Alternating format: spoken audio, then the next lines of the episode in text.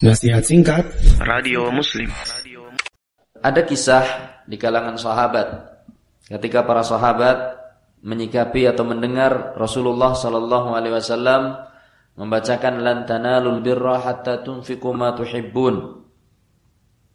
Di antaranya adalah kisah Abu Talhah. Kisahnya Abu Abu Talhah. Diriwayatkan oleh Anas bin Malik atau diriwayatkan oleh Al-Imam Eh, Muslim, Bukhari dan Muslim dari jalan Anas bin Malik, dari sahabat Anas bin Malik. Dulu kata Anas bin Malik, Abu Talha adalah orang yang paling banyak kebun kurmanya. Orang yang kaya, Abu Talha. Wakan dan kebun kurma dulu ini, ya, kebun kurma dan pohon kurma yang dia miliki adalah ahabbu amwalihi ilaihi atafan dan uh, harta yang bukan kebun kurma dan harta yang paling disukai oleh Abu Talha adalah Bayruha yaitu satu sumur ya satu sumur yang diberi nama Bayruha tempatnya itu di dekat masjid ya, tempatnya adalah di dekat sebuah masjid atau dekat Masjid Nabawi Wa Rasulullah sallallahu alaihi wasallam yadkhuluha wa yashrabu min ma'iha fiha tayyib. Dan kebiasaan Rasulullah wasallam biasanya minum masuk ke kebunnya Abu Talha dan minum dari tempat itu. Tatkala turun ayat lan tanalul birra hatta mimma tuhibbun, tatkala turun ayat tidak akan seorang di antara kalian mencapai kebaikan, tidak akan mungkin seorang mendapatkan jannah al-birra, ditafsirkan oleh sebagian ulama dengan jannah.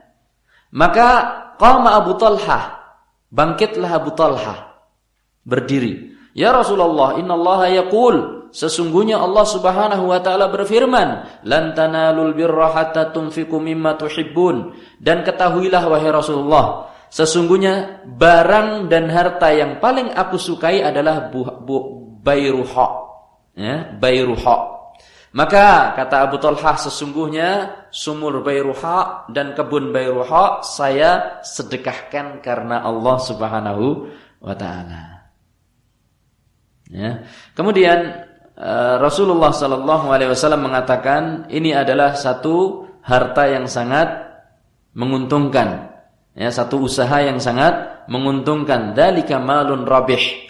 Qad sami'tu ma qulta. Aku sudah mendengar wahai Abu Talha apa yang engkau ucapkan bahwasanya bairu hak engkau sedekahkan karena Allah Subhanahu wa taala. Wa inni ara tapi menurut pendapatku ya, jadikanlah sedekah kamu itu adalah untuk kerabatmu. Ya, jadikanlah sedekahmu adalah untuk kerabatmu. Nah, ini adalah kisah tentang Abu Abu Talha. Demikian juga kisah tentang Umar bin Khattab yang menceritakan adalah Ibnu Umar bahwasanya Umar bin Khattab asaba ardan bi Khaybar. Suatu saat Umar bin Khattab mendapatkan tanah, ya, sebongkah tanah di Khaybar. Fa'atan Nabi sallallahu alaihi wasallam yasta'miruhu. Ini tanah bukan hanya sekedar tanah. Ya, Khaybar tanah-tanah pertanian, tanah-tanah yang subur, yang penuh dengan pohon kurma dan yang lainnya. Maka kata Umar radhiyallahu taala anhu, dia bermusyawarah dengan Rasulullah sallallahu alaihi wasallam, "Ya Rasulullah, sesungguhnya aku baru mendapatkan sebongkah tanah, sepetak tanah.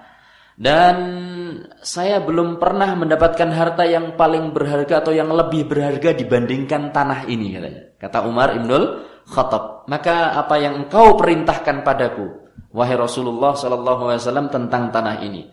Maka kata Rasulullah sallallahu alaihi wasallam, "In syi'ta habasta aslaha wa tasaddaqta biha." Kalau engkau mau, maka silahkan tahan asal dari tanah itu kemudian sedekahkan hasilnya. Ini wakafkan tanah itu.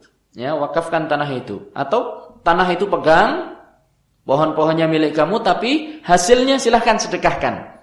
Ya, hasilnya silahkan sedekahkan. Ini menunjukkan bagaimana para sahabat demikian cepatnya melaksanakan perintah Allah dan perintah Rasulullah sallallahu alaihi wasallam ya kan?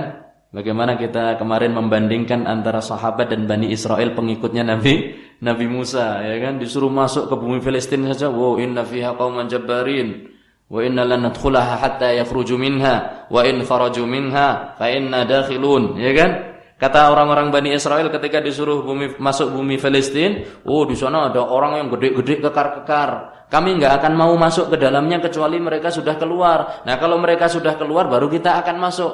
Udah kalah kamu wahai Nabi Musa silahkan pergi berperang melawan mereka. Kamu dan Tuhan kamu. Kami di sini duduk-duduk. Ini para sahabat beda dengan dengan Bani Israel orang-orang Yahudi ya yang satu pengikutnya Nabi Nabi Musa alaihi assalam ketika diperintahkan untuk uh, berperang uh, apa perang Khandaq ya kan? Perang Khandaq perang Badar ah, perang Badar ya perang Badar maka para sahabat ada yang mengatakannya Rasulullah sesungguhnya kami adalah orang yang bersabar dalam peperangan orang yang uh, kokoh dalam berhadapan dengan musuh. Seandainya engkau perintahkan kami untuk menyeberang lautan niscaya akan kami seberangi lautan itu bersamamu. Ya kan?